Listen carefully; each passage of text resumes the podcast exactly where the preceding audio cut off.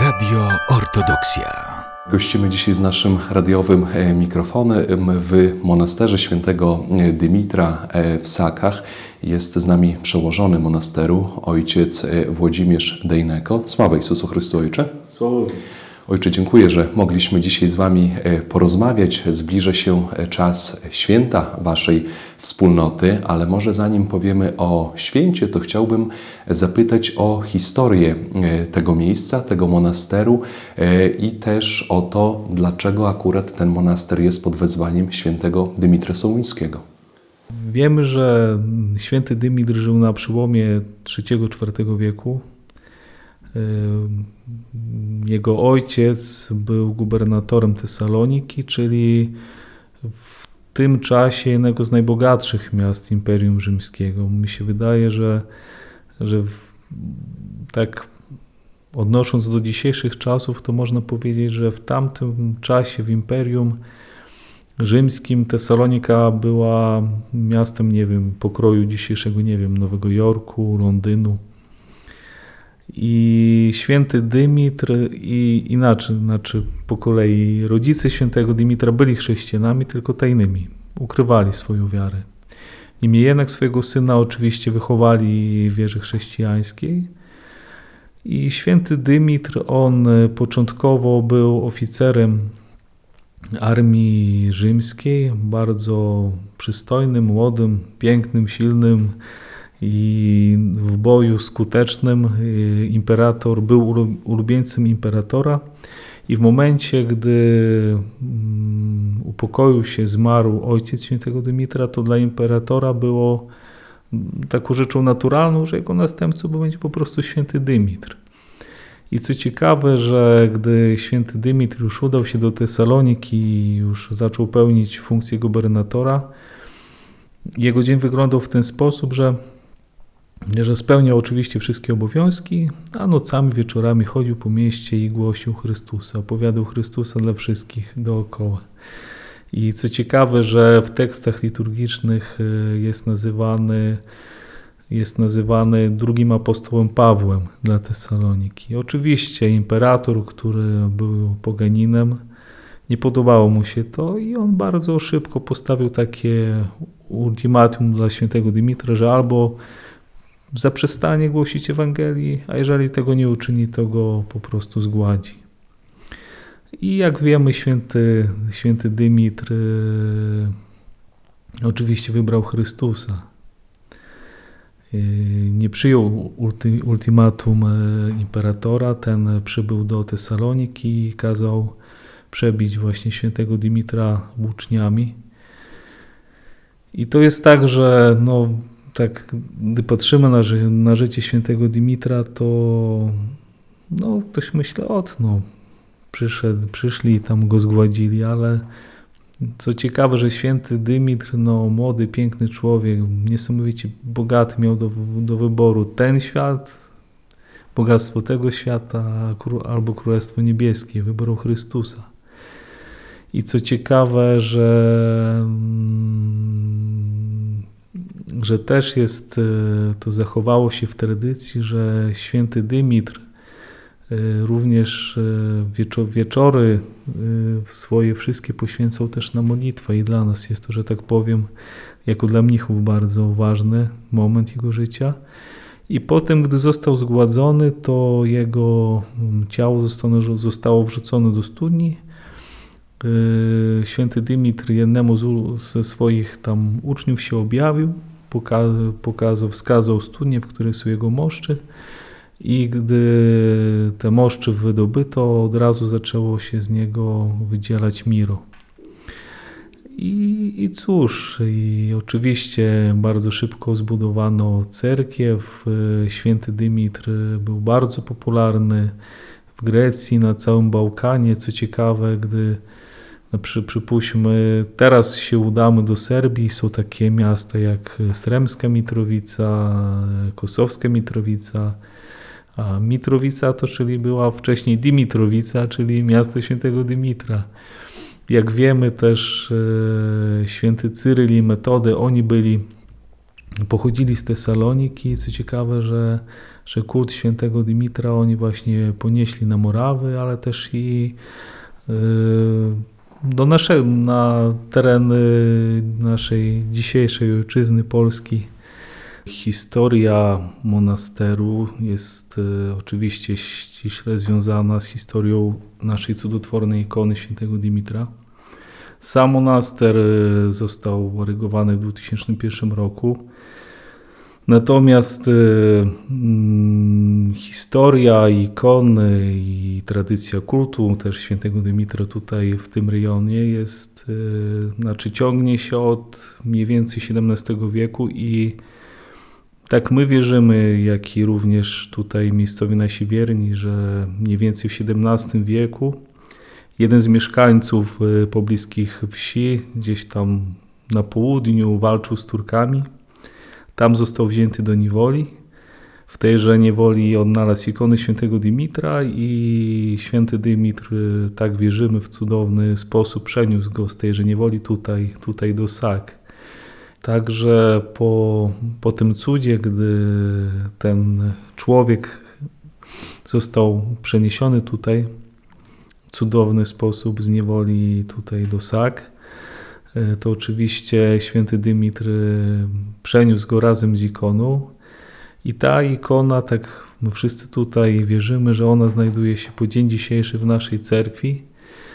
I co ciekawe, że mm, przez wiele, wiele, wiele lat ona znajdowała się w części ołtarzowej, ale już mniej więcej od momentu, gdy już tutaj i była wcześniej taka tradycja, że ikonę świętego Dimitra wynoszono tylko na święto, na cerkiew, ale od momentu praktycznie od samego początku, gdy, gdy monaster został tutaj założony, ojcowie zdecydowali, że no, że szkoda to najpiękniejszy skarb tego monasteru, cudowną ikonę e, przez cały rok praktycznie chować przez ludźmi i, i ona znajduje się u nas w cerkwi Dymitra, gdy ktoś do nas przyjedzie, to po prawej stronie, w takim, po prawej stronie w dużym kiocie można podejść i poprosić świętego Dymitra o pomoc. I co ciekawe, że gdy tak dokładnie się wczytamy też w akafist do świętego Dimitra, tam też jest opisana taka mm, historia, że pewne pobożne kobiety, chrześcijanki, również będąc w niewoli, y, tam wyszywały ikonę świętego Dimitra. Gdy skończyły wyszywać ikonę świętego Dimitra, to święty Dimitr też y, je, że tak powiem, uwolnił z tej niewoli, przenosząc do domu rodzinnego. Także od tego XVII wieku tutaj yy, no, ten kult świętego Dimitra jest jak najbardziej aktywny i obecny. Oczywiście po tym cudzie zbudowano yy, cerkiewkę niedużą, która się spaliła. Obecna yy, nasza cerkiew została zbudowana w 1786 roku i i cóż, i tak wierzymy, że z woli e, Bożej, z woli świętego Dimitra, nasz metropolita Sawa w 2001 roku erygował to monaster, tak jak zapewnie e, wszyscy pamiętają, pierwszym e, przełożonym był obecny biskup siemiatycki Warsenofiusz i, i cóż, z Bożą pomocą i pomocą świętego Dimitra kontynuujemy życie monastyczne tutaj i wierzymy, że, że święty Dymitr pomoże nam godnie opiekować się jego ikoną i wierzymy, że i po nas pośle kolejnych mnichów, którzy będą to dzieło kontynuować. Jak wygląda codzienne życie w monasterze? No, życie w monasterze w Sakach e, wygląda tak, e, że tak powiem, tak jak i w każdym monasterze. E, mamy swoje indywidualne prawiło. Rano spotykamy się na jutrzni boskiej liturgii, później mamy chwilkę odpoczynku, praca, wieczorem wieczernia i tak każdego dnia. Także wydaje mi się, że, że nasz monaster w jakiś tam sposób szczególny, jeżeli chodzi o rytm, nie, nie wyróżnia się spośród e, pozostałych monasterów naszej cerkwi. Wasz e, monaster jest znany również e, z tego, że robicie sery, pieczecie chleb, który później mogą nabyć wierni. Tak, to prawda, zgadza się. Y, To jest tak, że gdy tak y, sięgniemy do, mm, do pierwszych wieków, do wieku IV, gdy monastycyzm się rodził, to wszędzie, w każdej wspólnocie, czy to wspólnotowej, czy, czy indywidualnej, zawsze był taki, było, znaczy była taka idea, aby mnisi utrzymywali się sami. I po prostu tak się złożyło, że mm, jeden z naszych braci, ojciec y, Paisiusz, w pewnym momencie tak zaproponował, a może spróbujemy robić sery i, i że tak powiem, okazało się z biegiem czasu, że, że wychodzi mu tu dzięki Bożej pomocy oczywiście dobrze i póki co idziemy w tą stronę. Oczywiście e, mamy dużo pomysłów, czym byśmy mogli się jeszcze zająć, ale no, staramy się nie brać, że tak powiem, zbyt dużo do siebie, na siebie, bo wiadomo, najważniejsze w monasterze jest modlitwa, jest y, post i nasze indywidualna, indywidualne prawidło, bo to nadaje rytm y, dla życia w monasterze, a cała reszta jest, y, no można powiedzieć, takim dodatkiem, oczywiście ważnym, ale nie jest zasadniczą treścią naszego bycia tutaj. Monastery to są e, takie miejsca, do których e, pielgrzymują wierni naszej cerkwi. E, Czy dużo przybywa do Was pielgrzymów? Czy to jest tak, że pielgrzymują oni przy okazji głównego święta? Czy takich macie pielgrzymów codziennych?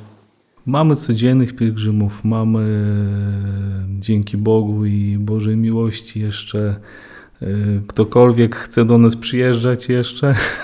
Także o, taki przykład podam. Obecnie na przykład mamy naszych takich dwóch znajomych e, z Bydgoszczy na nasze e, niedzielne e, liturgie, to z okolicy ludzie przyjeżdżają. Tak myślę, że średnio mamy około 100 osób co niedzielę na liturgii, czasami więcej, czasami mniej. Także no wiadomo, to jest tak, że, że ideą monaszestwa to przede wszystkim jest e, indywidualne pokajanie, żeby e, człowiek idzie do monastera po to, żeby zbawiać swoją duszę, żeby jak to ojcowie mówią, niektórzy wypłakać wszystkie swoje grzechy przed Bogiem, a, ale to jest właśnie taki paradoks tego życia monastycznego, że, że mnisi uważają się największych grzeszników, a ludzie, którzy przyjeżdżają do monastera, uważają ich za jakichś lepszych, wyjątkowych. I że tak powiem, to mi się wydaje, że w ten sposób wypełniają się te słowa, które bardzo dobrze znamy świętego Serafima Sarowa, który mówi, że zbawiaj się sam, a wokół Ciebie zbawił się tysiące, także na ile umiemy, potrafimy, staramy się iść drogą Ewangelii, drogą Ewangelii, a jeżeli przy okazji uda nam się dzięki Bożej miłości jakoś komuś w jakiś sposób pomóc, to, to składamy dzięki, dziękczynienie za to samemu Bogu, tylko wyłącznie Jemu. Ilu mnichów jest obecnie w monasterze w Sakach? Y, Obecnie, w chwili obecnej jest nas sześciu. Mamy trzech hieromonachów razem ze mną. Daj Boże, już niedługo będziemy mieli również hierodiakona. i Mamy y, jednego posłusznika i jest z nami ojciec Mario z Brazylii, który y, wraca do Brazylii już 3 lata i jakoś wrócić nie może. Także jeżeli gdy ktoś pyta, ilu nas jest, to jego również liczę. Ojcze, ojciec jest e, stosunkowo e, młodym mnichem, co sprawia, że e, młode osoby podejmują taki trud e, życia w monasterze. Czy ojciec od razu wiedział w swoim życiu, kiedy był ojciec jeszcze młodszy, że ojciec wstąpi do, do monasteru? Czy to jest jakiś impuls? To przychodzi z czasem? Mi się wydaje, że, że to tak jak y, ojcowie mówią, że to jest trochę takie taństwo. W tym sensie, że mm, no nie da się tego do, do końca wytłumaczyć.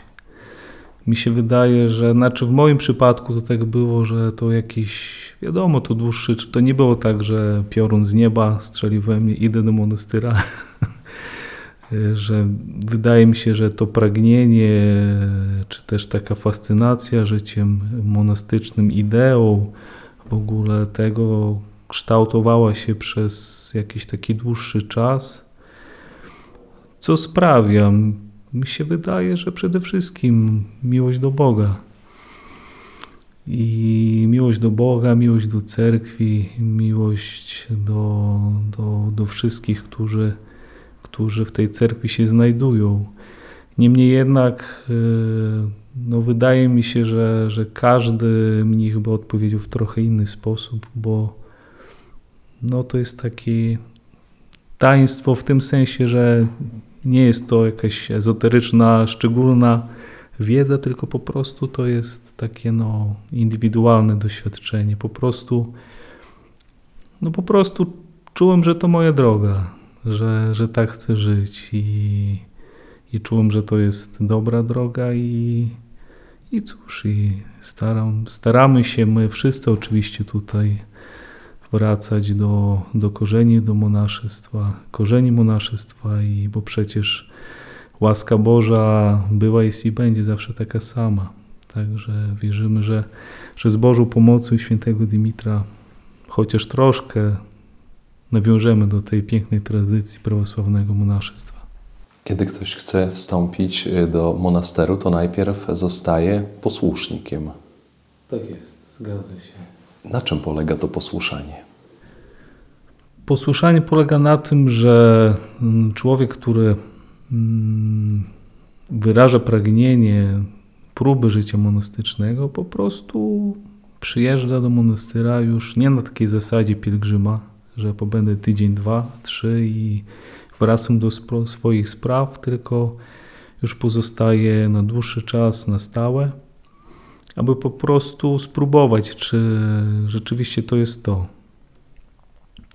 Bo oczywiście no, droga monastyczna nie jest drogą łatwą, jest drogą wielu wyrzeczeń i, i prób i to jest tak, że, że my staramy się generalnie wszyscy mnisi na całej ziemi jak najwyżej tą poprzeczkę ewangeliczną sobie zawiesić i po prostu każdy każdy posłusznik, nowicjusz musi po prostu spróbować, czy rzeczywiście to jest jego droga, bo, bo to nie jest tak, że, mm, że życie monastyczne czy życie w małżeństwie, że któreś z nich jest lepsze. To e, ojcowie mówią tak, że, że dobry mnich byłby dobrym, dobrą głową rodziny, a dobry ojciec byłby dobrym mnichem. I te proste słowa mówią tą piękną właśnie prawdę chrześcijańską, że żeby zbudować rodzinę albo być dobrym mnichem, to trzeba tej samej siły, tej samej pomocy Bożej. Tylko po prostu to jest tak, że, yy, że po prostu no każdy powinien spróbować, czy to właśnie tędy chce pójść. Czy jest jakiś e, określony e, czas, kiedy ten młody e, nowicjusz jest posłusznikiem? Czy to jest indywidualnie dla każdego? To znaczy, w naszym monasterze to my mamy taką regułę, że minimum to są dwa lata. Niemniej jednak, oczywiście, to, to nie jest tak, że, że dwa lata i, i wszystko po prostu i że mija równo dwa lata, musisz powiedzieć, czy w lewo, czy w prawo, którędy idziesz, to już, że tak powiem, indywidualnie już się określa. Dla tych, którzy przyłączyli się do naszej rozmowy, przypominam, że gościmy dziś w monasterze świętego Dymitra w Sakach, ojca przełożonego, ojca Włodzimierza e, Dejneko. E, rozmawiamy o życiu monastycznym ojcze. W tradycji rzymskokatolickiej mamy e, franciszkanów, dominikanów, tak, bazylianów, jeżeli chodzi o klasztory. Czy w tradycji prawosławnej też można zauważyć taki podział, jeżeli chodzi o regułę monastyczną? generalnie mówi się, że, że nie ma takiego podziału w prawosławiu. Niemniej jednak e, zasady oczywiście są takie same, niemniej jednak każda wspólnota, każdy, każdy monaster w jakiś sposób tam od siebie się różni. I to zależy, nie wiem, od kraju, w którym przypuśćmy jest, nie wiem, e, od wielu, wielu czynników, bo na przykład e, chociażby w samej Grecji wiemy, że mamy górę Atos, czyli miejsce, w którym e, mnisi się starają jak w najwyższym stopniu odizolować od całego świata. Ale też mamy monastery, które są po prostu, że tak powiem, misyjne, które, które nawet się znajdują w miastach dużych. Miejsca, w których można, może każdy przyjść, pomodlić się, porozmawiać z mnichami. Także tylko to też jest tak, że mm, to nie jest tak, że Przypuśćmy, te bardziej zamknięte monastery uważają się za lepsze od tych monasterów bardziej otwartych, że tak powiem. To jest też tak, że każdy to bogactwo różnorodności też jest dobre z tego względu, że, że każdy człowiek, który pragnie zostać mnichem, mniszką, może wybrać sobie taki monaster, który mu najbardziej odpowiada, jeżeli ktoś ma inklinacje, pragnienie bardziej misyjne to może wybrać monaster jakiś tam bardziej otwarty dla, dla wiernych, dla, dla cerkwi, a jeżeli ktoś pragnie już takiego wyciszenia totalnego, to może sobie znaleźć taką wspólnotę. Często, e, kiedy e, rozmawiamy z duchownymi w radiu, to pytamy o to, w jaki sposób można zachęcić e, młodzież do tego, żeby bardziej zaangażowała się w życie cerkwi. Ojca chciałbym zapytać, czy młodzież można zachęcać do tego, e, żeby niosła tą taką posługę monastyczną, czy, czy, czy, czy monastycyzm można reklamować? Może tak. Wydaje mi się, że, że jeżeli zachęcać można do czegoś, to przede wszystkim do, do miłości do Boga. Jeżeli będzie miłość do Boga, to jeżeli młodzież e, czy starsza trochę młodzież poczuje, że chce iść drogą tą czy tamtą, czy wstąpić do monasteru, czy założyć rodzinę, czy jeżeli przypuśćmy ktoś nie chce iść do, wstąpić do monasteru, a przypuśćmy tak mu życie się ułoży z różnych przyczyn, że jest sam, to tacy ludzie będą robić piękne rzeczy rzeczy, które będą budować cerkiew, które będą, e, które będą budować cerkiew, dzięki którym sami będą się zbawiać, ale też wszyscy wokół nich. I my przecież, gdy tak troszkę przyjrzymy się historii cerkwi, to, to wiemy, że to, to, co sprawiało, że ludzie zaczynali wierzyć w Chrystusa, zaczynali wierzyć, że rzeczywiście chrześcijaństwo jest jakąś taką szczególną religią, to przykład samych chrześcijan.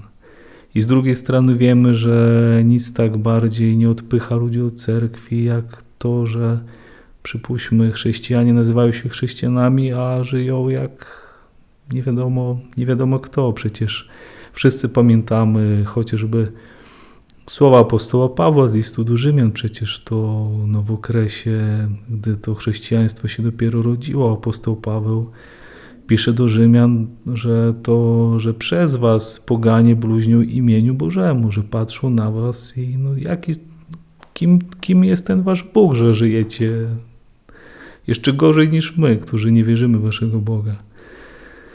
Także przede wszystkim zachęcać do do miłości do, do Boga, do tego, aby otworzyć Ewangelię codziennie, posłuchać, co Bóg do nas mówi i po prostu spróbować uwierzyć, bo, bo często jest tak, że e, ludzie mówią, że nie wierzą, czy nie chcą wierzyć, czy że cerkiew niepotrzebna, ale tak naprawdę nigdy nie spróbowali pójść tą drogą. To tak jak też Pamiętamy z Ewangelii te słynne słowa, że przyjdź i zobacz, spróbuj, zobacz jak tam jest. Jeżeli się przekona, że, że to tobie nic nie daje, no to cóż, uszanujemy twój wybór. A przyjeżdżają do Was tacy pielgrzymi, którzy właśnie chcą przyjechać i, i zobaczyć, poznać tu prawosławie? Tak, zdarzają się. Zdarzają się. Jakoś nie wiem dlaczego, ale jakoś tak wychodzi, że, że chyba ci pielgrzymi, którzy przyjeżdżają na dłużej, to z reguły są w większości konwer są konwertytami. Nie wiem dlaczego, z czego to wynika, ale jakoś tak, jakoś tak się składa. Ojcze Ojciec jest e, przełożonym monasteru e, świętego Dymitra e, w Sakach. Ojca zdaniem, jaka jest taka najważniejsza cecha mnicha? Pokora przede wszystkim. Tylko wiadomo, pokora. Mm, wiadomo, o pokorze to można byłoby i godzinami rozmawiać i, i tak dalej, ale generalnie w tym sensie pokora, że takie poczucie, że wszystko co mam, to mam od Boga. Że wszystko co mam, siły, umysł, ręce, oczy, to, że mogę słyszeć, widzieć, że to jest pokora, że to jest, przepraszam, od Boga. I to też jest tak, oczywiście mm, wiemy, że pokora nie wyklucza męstwa, odwagi, siły, zdecydowania, tylko właśnie pokora taka, aby tak jak z, e, święty Nir Kalabryjski pisał, że, że mnich jest aniołem, stara się być aniołem, a głównym, głównym e, zadaniem anioła jest to, żeby wychwalać Boga. Także mi się wydaje, że to jest najważniejsza cecha, a cecha, dzięki której, e, czy to mnich, czy, czy nie mnich, człowiek po prostu staje przed Bogiem jak przed Ojcem i który potrafi dzięki temu czerpać z tego źródła łaski Bożej. Ojcze, wielkimi krokami zbliża się e, dzień patrona e, Waszej wspólnoty, świętego Dymitra. Chciałbym, żebyście powiedzieli, jaki jest plan tegorocznych uroczystości. Czy plan tegorocznych uroczystości będzie wyglądał jak co roku, czyli we w poniedziałek o godzinie 17 będzie odsłużony wsienoczne bdienie przed praznikom. Następnie o 23 będzie akapis do świętego Dymitra, o północy pierwsza liturgia i już we wtorek o 8 rano będzie mało poświęcenie wody, następnie akafist, ponownie do świętego Dymitra i o godzinie 10 rozpocznie się boska liturgia. Wszystkie nabożeństwa odbędą się właśnie w cerkwi, tradycyjnie w cerkwi świętego Dymitra, także to jest tak, że święto Dymitra patronalne nasze jest dla nas taką, można powiedzieć, drugą paschą. Oczywiście to jest tak, że najwięcej ludzi przyjeżdża na, na preobrażenie tutaj do nas, niemniej jednak no, święto Dymitra, no, czuć tą paschalną radość, gdy na wsienocznym bdieniu w Mm, pod koniec wieczernie śpiewa się tak uroczyście tropardo świętego, troparion świętego Dimitra, to jest na pewno taka piękna i podniosła dla nas chwila. I też to jest tak, tak święci ojcowie mówią, między innymi święty starzec Paisiusz mówił, że właśnie święci w dzień swojej pamięci oni w szczególny sposób e, wylewają łaskę swoją, także Cóż, na pewno y, kto może, to zapraszamy serdecznie na nasze uroczystości.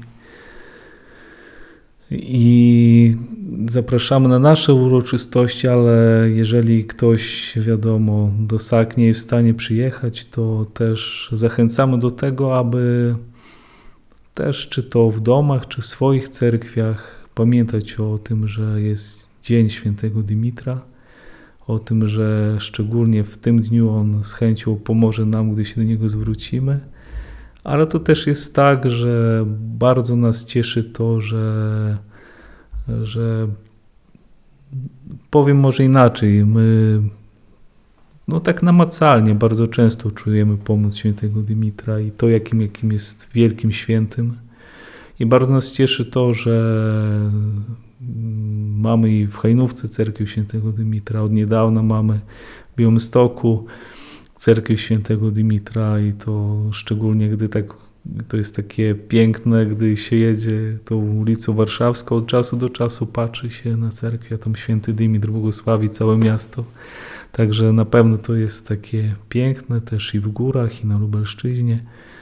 Także zachęcamy wszystkich do tego, aby też spróbować, oczywiście w miarę możliwości, przeczytać życie Jego, i bo jest takim dla nas, pomimo tego, że był gubernatorem miasta, że można powiedzieć, że był osobą świecką, to dla nas, dla mnichów jest no, takim pięknym wzorem przede wszystkim odwagi męstwa i takiego oddania się całego, całego siebie Bogu.